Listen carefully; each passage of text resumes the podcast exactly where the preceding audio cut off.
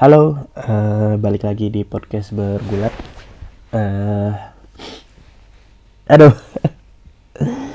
gua nggak tahu, gua bisa bilang apa ya. Bayangin uh, WWE uh, mereka comeback dari show yang sebegitu memuaskannya kayak Royal Rumble. Terus kita langsung disuguhin sama Super Showdown uh, yang notabene sering dibilang sebagai glorified uh, house show.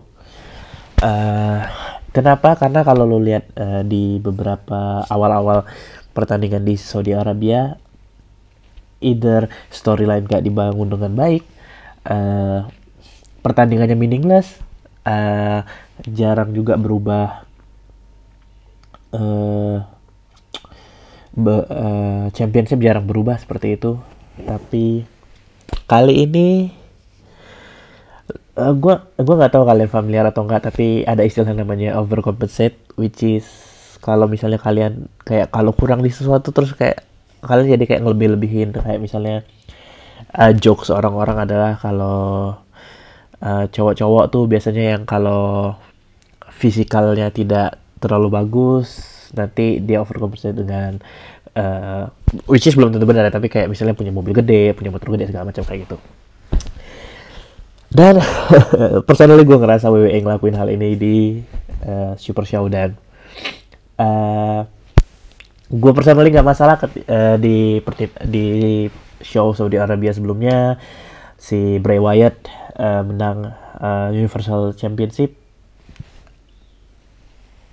a really surprise for me because I think uh, at that time waktu itu si Lesnar udah jadi champion di SmackDown dan uh,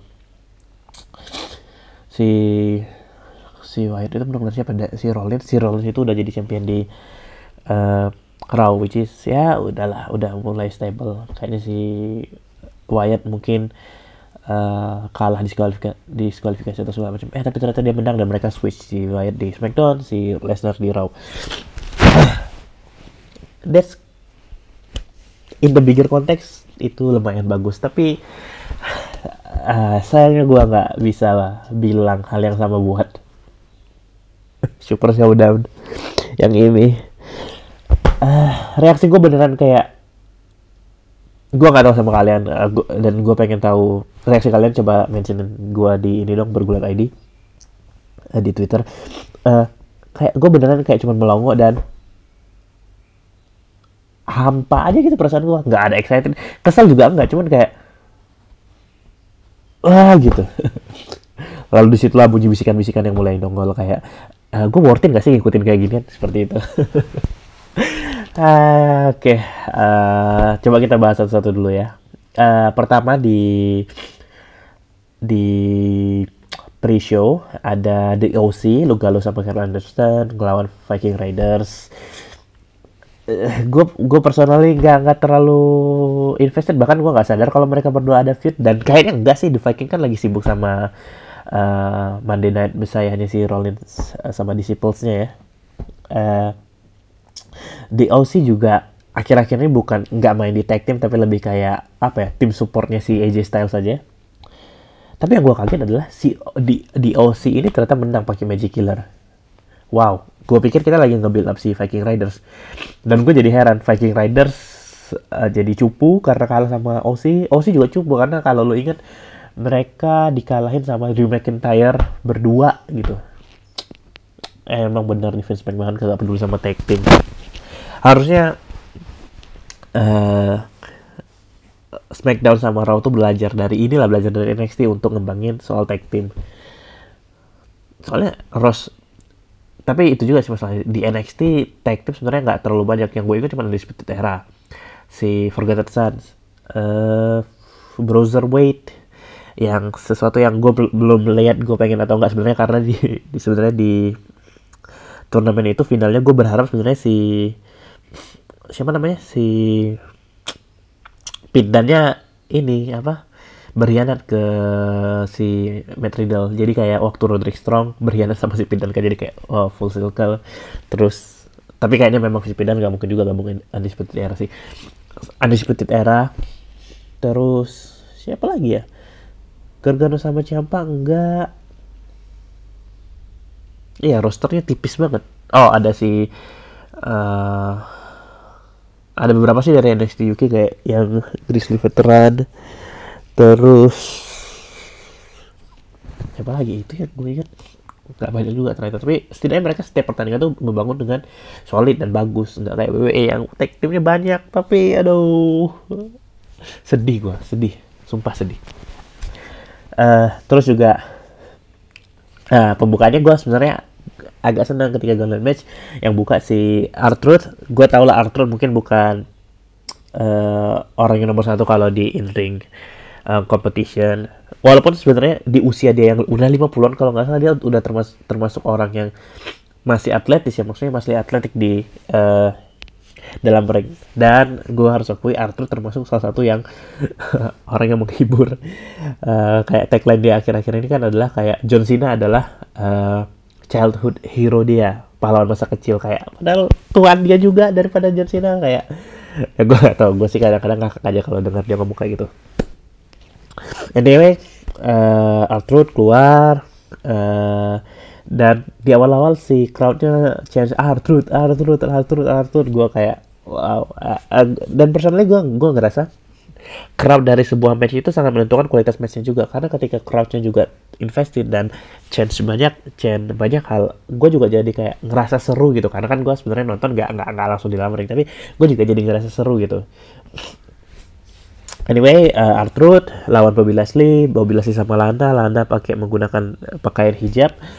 Uh, surprisingly, karena gue pikir tadi si Landa bahkan gak akan muncul di entrance-nya Bobby Lashley uh, Bobby Leslie lawan Arthur gue pikir ini bakal jadi squash match si Leslie menang lah tapi ternyata Arthur yang menang.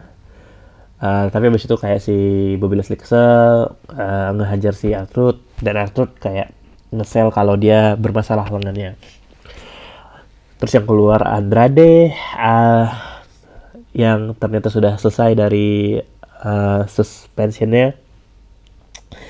Dan gue nggak gue nggak tahu kenapa gue nggak ngerti sama jalan pikirnya WWE kenapa dia harus membiak oke okay, kalau misalnya lu berpikir untuk membuat Ar Artruth menang atau at least uh, nanti kita bahas Artruth di akhir it's okay. Tapi di sini kan Artruth juga bakal dieliminate sama AJ Styles which is gak lagi juga sih. Tapi kayak in a way gue ngerasa kayak kenapa lu harus ngejob Andrade di Artruth Andrade itu US Champions by the way. Oh my god. Dan dan, dan juga ya walaupun uh, ngepinnya bego sih kayak dia habis dihajar sama back elbownya si Andrade terus mereka berdua jatuh dan Arthur juga sebenarnya nggak sadar kayak lagi ngepin si Andrade. Anyway dilanjut keluar dengan Eric Rowan, Eric Rowan nggak kayak nggak peduli gitu, eh, nggak uh, peduli, akhirnya dia kalah via DQ. Gua sejujurnya nggak peduli lagi sama Eric Rowan karena kayaknya sekarang udah termasuk cukup lama. Gua penasaran apa isi si kandang yang dia bawa itu clue-nya cuman si Mojo Rawley pernah ngomong you're sick which is harusnya sesuatu yang disgusted disgusting sorry. Tapi gue nggak tahu.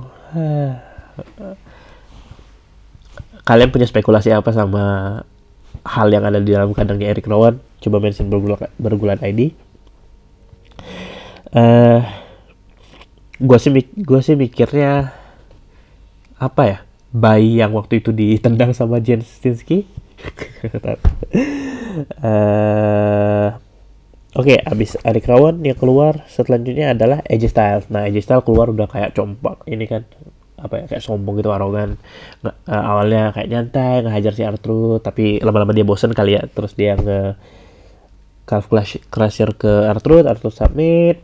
Terus si AJ Styles uh, nungguin si Rey Mysterio. Musik Rey Mysterio udah bunyi beberapa kali terus si AJ Styles kayak senyum-senyum senggak gitu kan. Terus dia bilang cuy uh, dia dia mana dia nggak keluar? Harusnya gue dong gue menang dong. Terus si referee bilang ya udah kita hitung sampai 10 Uh, oh ya sebelumnya ditunjukin ternyata si Rey Mysterio itu dihajar sama OC di, di backstage. Nah terus jadi kayak ya udah dia udah sampai 10 kalau si Rey nggak bisa keluar ya si AJ menang. Tapi di beberapa hitungan berikutnya ditunjukin tiba-tiba si OC-nya terkapar dan siapa yang nongol? Bapak-bapak dengan celana hitam, uh, sepatu hitam, ada jubah hitam juga. And yes, The Undertaker is back to Super Showdown. Oke, okay, gue tahu rumor yang lu mungkin dengar juga kalau rumor bahwa AJ Styles akan melawan Undertaker di WrestleMania tapi apakah ini cara kita paling baik untuk membangun storyline-nya dari awal? Uh, kayak ini ini pertandingan di Arab kayak nggak ada aturannya. Waktu itu yang uh, the best in the world, si Shane McMahon tiba-tiba ikutan. Uh, di sekarang juga si Undertaker tiba-tiba ikutan. Kayak oh my god. anyway, Undertaker masuk, chokeslam AJ Styles menang dapat uh, trofi two nya Undertaker juga kayak nggak peduli sama trofi cuma ngeliat bentar terus kayak jalan. Uh, ya yeah, doesn't mean anything lah. The best tag team the best wrestler in the world kayak oke. Okay. terus selanjutnya ada sih uh, Miss Miss sama Morrison ngelawan New Day. Uh, which is kalau dilihat dari reaksi crowdnya mereka berdua chant New Day juga Miss sama Morrison juga. Bahkan mereka ngecil kayak Miss is awesome kayak oke okay, eh, gue salah satu fansnya Miss karena kalau lo lihat backstage interview dia tuh dia termasuk orang yang salah satu yang percaya banget sama karakter dari wrestler sama dia kerja keras untuk dapat di posisi sekarang. Dan arguably uh, The Miz adalah salah satu IC IC champion yang paling bagus gue rasa. Heel worksnya dapat feudnya sama orang-orang yang gak dapat ya one of the great wrestler lah maybe not the best tapi one of the great. Uh, secara pertandingan ya lumayan oke okay lah. Uh, salah satu yang notably adalah si Kofi Kingston ngelakuin dive dia keluar dan si Miz kayak lempeng aja kayak eh kagak mau gua dan si Kingston mendarat di punggungnya which is gua nggak tahu deh itu gimana karena biasanya kan uh, mereka harusnya komunikasi supaya si The Miz nangkep Uh, karena bahaya juga kan lu jatuh, lu lompat terus lu jatuh ke lumayan tinggi, sesuatu yang lumayan tinggi dan langsung konkret juga gitu. Ya walaupun ada bantalnya tapi kayak lumayan sakit lah. Gua gua nggak tahu ya mudah-mudahan sih uh, it's safe, doesn't risk anyone. Uh, dan si Miss sama Morrison menang ka karena si Morrison kayak diam-diam mukulin kursi ke Kingston terus si Miss roll up sambil narik celana mereka menang uh, eh, gue cukup senang uh, bisa Morrison menang. Uh, karena personally gue juga New Day retain atau Miss Morrison menang gue nggak terlalu punya masalah lah. Karena mereka berdua termasuk uh, dua regu ini lumayan lumayan menghibur lumayan punya in ring yang kualitas in ring yang oke okay juga. Dan kayaknya juga bakal build up jadi multi tag match di WrestleMania. So and that's okay. Uh, terus pertandingan berikutnya ada Angel Garza lawan Huberto Carrillo. Oke, okay. ketika mereka tanding di Raw, gue nggak peduli sama storyline mereka karena kayak cuma diisi kebetulan si Andrade kena suspension. Gue nggak peduli, tapi pertandingannya bagus. Jadi kayak gue kayak, oh my god, seru banget. Tapi di Super Showdown kayak nggak ngerti wah, cuman bawa waktu gue doang kayak 10 menit gue yang terbuang sia-sia mungkin. Uh, anyway, Zelina Vega, nah ini yang terjadi Zelina Vega nggak ikut nemenin si Angel Garza keluar. So I don't know, uh, karena sebenarnya banyak juga di backstage politik yang banyak wrestler yang nggak mau di uh, ikut ke Saudi Arabia. Ada juga yang di ban untuk datang ke Saudi Arabia. Si Sami Zayn itu di ban karena dia kalau nggak salah dari Syria dan dia pernah ngomong sesuatu berkaitan dengan Syria, which is punya pandangan politik yang berbeda dengan uh, siapa namanya? Uh, Arab Saudi. Jadi dia nggak boleh datang ke Arab Saudi. Lalu yang kedua itu si Daniel Bryan yang memang vocally tidak setuju sama kebijakan politiknya si uh, Arab Saudi. Karena kalau lo tahu sendiri sebenarnya uh, Arab Saudi sama Amerika itu punya hubungan yang harusnya punya hubungan yang bermasalah. Karena kan ada kalau lo tahu uh, ada jurnalis Amerika yang dibunuh di diperintahkan untuk dieksekusi oleh uh, kerajaan Arab Saudi. But anyway di luar itu uh, ya pertandingan Angel Garza sama Berto Carrillo yang ini sih gue nggak nggak nggak nggak terlalu peduli dan nggak senang pertandingan juga kayak bener gue buang waktu doang Uh, kabarnya mereka berdua bakal jadi salah satu part untuk Fatal Four Way di WrestleMania uh, Andrade uh, for US Champion ya Andrade, Rey Mysterio, Humberto Carrillo sama Angel Garza. I'm very excited for that. Uh, mereka berempat sama-sama wrestler yang punya kemampuan in yang bagus.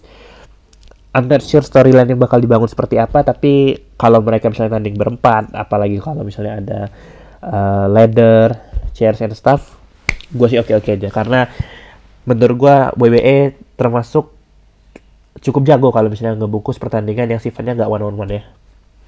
Apalagi kalau misalnya ada gimmick-gimmick kayak misalnya ada table uh, table leather chairs itu mereka termasuk yang bisa ngejual uh, storyline mungkin nggak terlalu bagus tapi eksekusi dalam ringnya bener-bener wah dan lu senang untuk nontonnya so I'm excited for that terus berikutnya ada Seth Rollins and Buddy Mur eh sorry Seth Rollins and Murphy uh, ngalahin Street Pro Street Profits gua sebenarnya agak intrik sama cerita yang akan dibangun sama antara Rollins sama Murphy. Gue cukup senang apalagi si Rollins itu uh, gayanya beneran sembak banget ya kayak gue pengen mukul dia which is itu yang ngebuat gue senang karena that's how actually heel should work.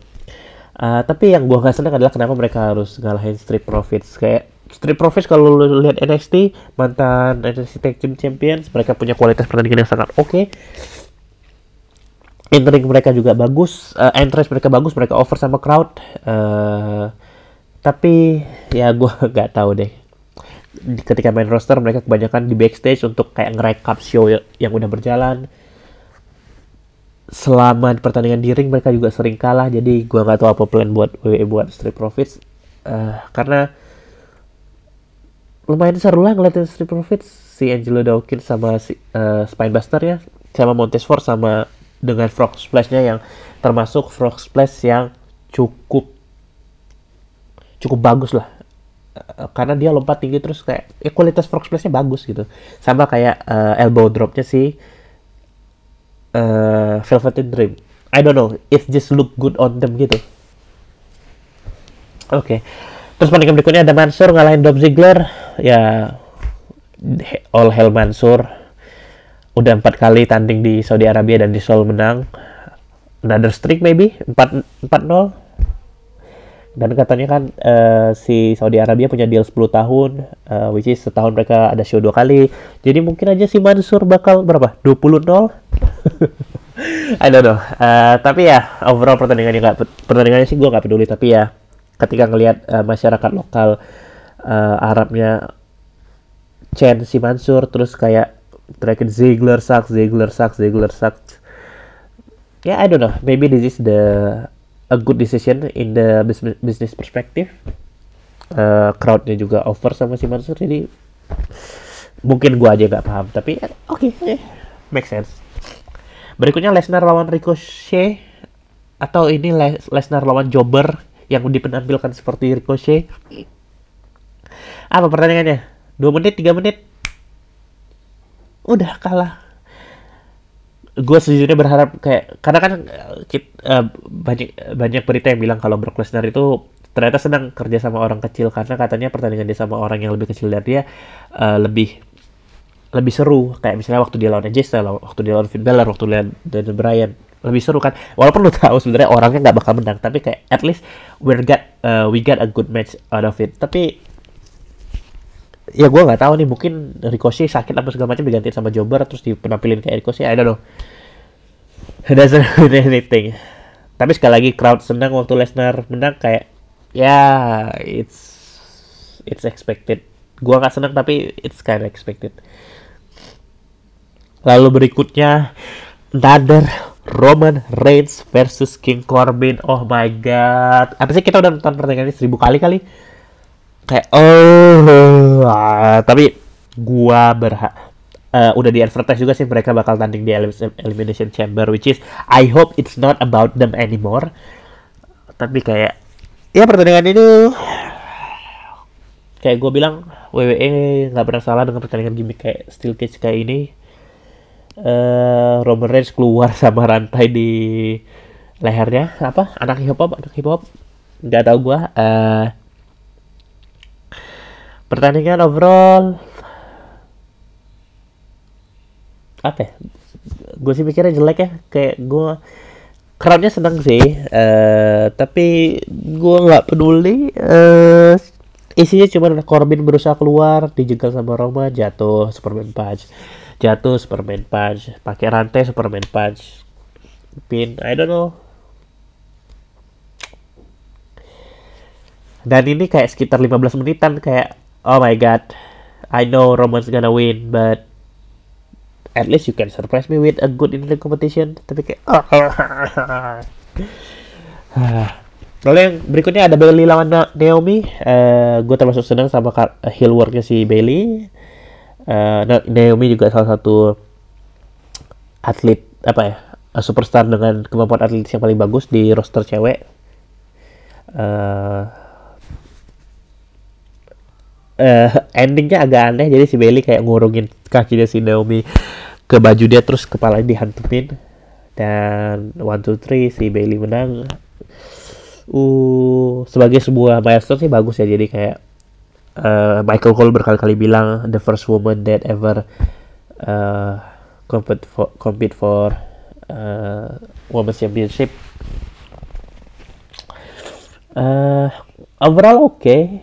uh, walaupun gue sangat sayang karena kenapa Naomi harus kalah di sini karena ada isu juga kalau si Bailey bakal ngelawan Naomi juga di WrestleMania si Sasha Banks bakal ngelawan Trish Stratus tergantung kondisi si Sasha bisa diklir atau enggak.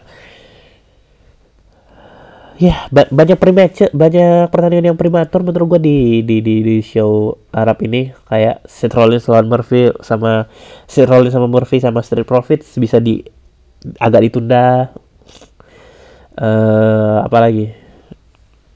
Itu doang sih sebenarnya. Tapi kayak ya banyak yang prematur. I hope WWE bisa bermudah dan kembali ngebuku storyline lebih bagus lagi untuk Elimination Chamber at least. Abis itu baru ke WrestleMania. Lalu yang terakhir yang harus kita omongin Goldberg lawan The Fiend Bray Wyatt. Isu sebelumnya yang muncul ber, di permukaan adalah uh, bakal WrestleMania bakal Roman Reigns melawan Bray Wyatt uh, untuk Universal Championship tapi kayaknya akhir-akhir ini WWE bakal muter dan membuat John Cena lawan Bray Wyatt uh, dan Goldberg lawan Roman untuk Universal Championship. Gua nggak gua nggak masalah dengan kalau storyline dibangun untuk WrestleMania. John Cena lawan Wyatt uh, Wyatt pernah dipecundangi sama Cena. Oke okay, that's good. Uh, bisa balas dendam si Wyatt. Uh, Roman Reigns lawan Goldberg kita pernah dapat show dari mereka di Raw kalau nggak salah yang sama-sama mereka nge-spear Braun Strowman. That's good. I want to see that. Tapi kenapa? Kenapa The Fiend harus kehilangan championshipnya di pertandingan ini? Kayak berapa? Dua tiga spear empat spear ya awal-awal bagus deh. Spear uh, dia di spear kayak nggak ngaruh di spear nggak ngaruh di spear nggak ngaruh. Dia coba juga coba ngelakuin mandible claw ke si Goldberg tapi kayak nggak ngaruh. Terus uh, ya di uh, setelah spear spear segala macam itu Goldberg uh, ngasih jackhammer ke uh, The Fiend with a jackhammer that looks really weak. Bagus sih dia nggak ngelakuin botch kayak waktu dia sama Undertaker tapi kayak apa ini bukan jackhammer ini kayak apa setengah suplex kali. Uh, ya gue tahu dia udah tua mungkin secara storyline dia bisa bagus segala macam tapi kayak oh my god kenapa? Kayak soalnya karakter Fiend itu udah rusak sama ini sama kekalahan dia sama Goldberg karena apa ya susah untuk berpikir kalau dia adalah contender yang legit. Kalau karakternya udah dirusak kayak gini uh, ya walaupun banyak yang bilang kayak oh nggak apa-apa karena kan Goldberg nggak punya histori masalah sama Bray Wyatt jadi dia nggak ngerusak uh, storyline dia kayak Bray Wyatt lagi pengen bahas tentang sama orang-orang sebelumnya. Tapi kayak sedih gua. Terus ada yang lucu nih kayak ada orang-orang yang bilang kalau catchphrase-nya Goldberg berubah ya dari tadinya who's next? Sekarang how much? Lu bayar berapa? Gua nongol lah di WWE kayak uh, oh my god. Oh my god. I guess I guess that's all. Review buat uh, Super Showdown. Gue berharap WWE bisa ngembaliin karakter Wyatt lagi Devin hopefully feud sama John Cena mungkin buat WrestleMania dan ngebangun lagi kredibilitas si Devin tapi kayak uh, uh, I don't know man this is so weird Anyway, uh, jangan lupa kalau ada komen-komen atau pertanyaan bisa dikirim ke burgulan.id@gmail.com atau mungkin bisa ikutan ngobrol di Twitter burgulan ID. Mention aja kalau ada yang mau diskusiin. Oke. Okay? Thanks guys. Uh, hope you guys have a nice day. Uh, have a good life. Bye bye.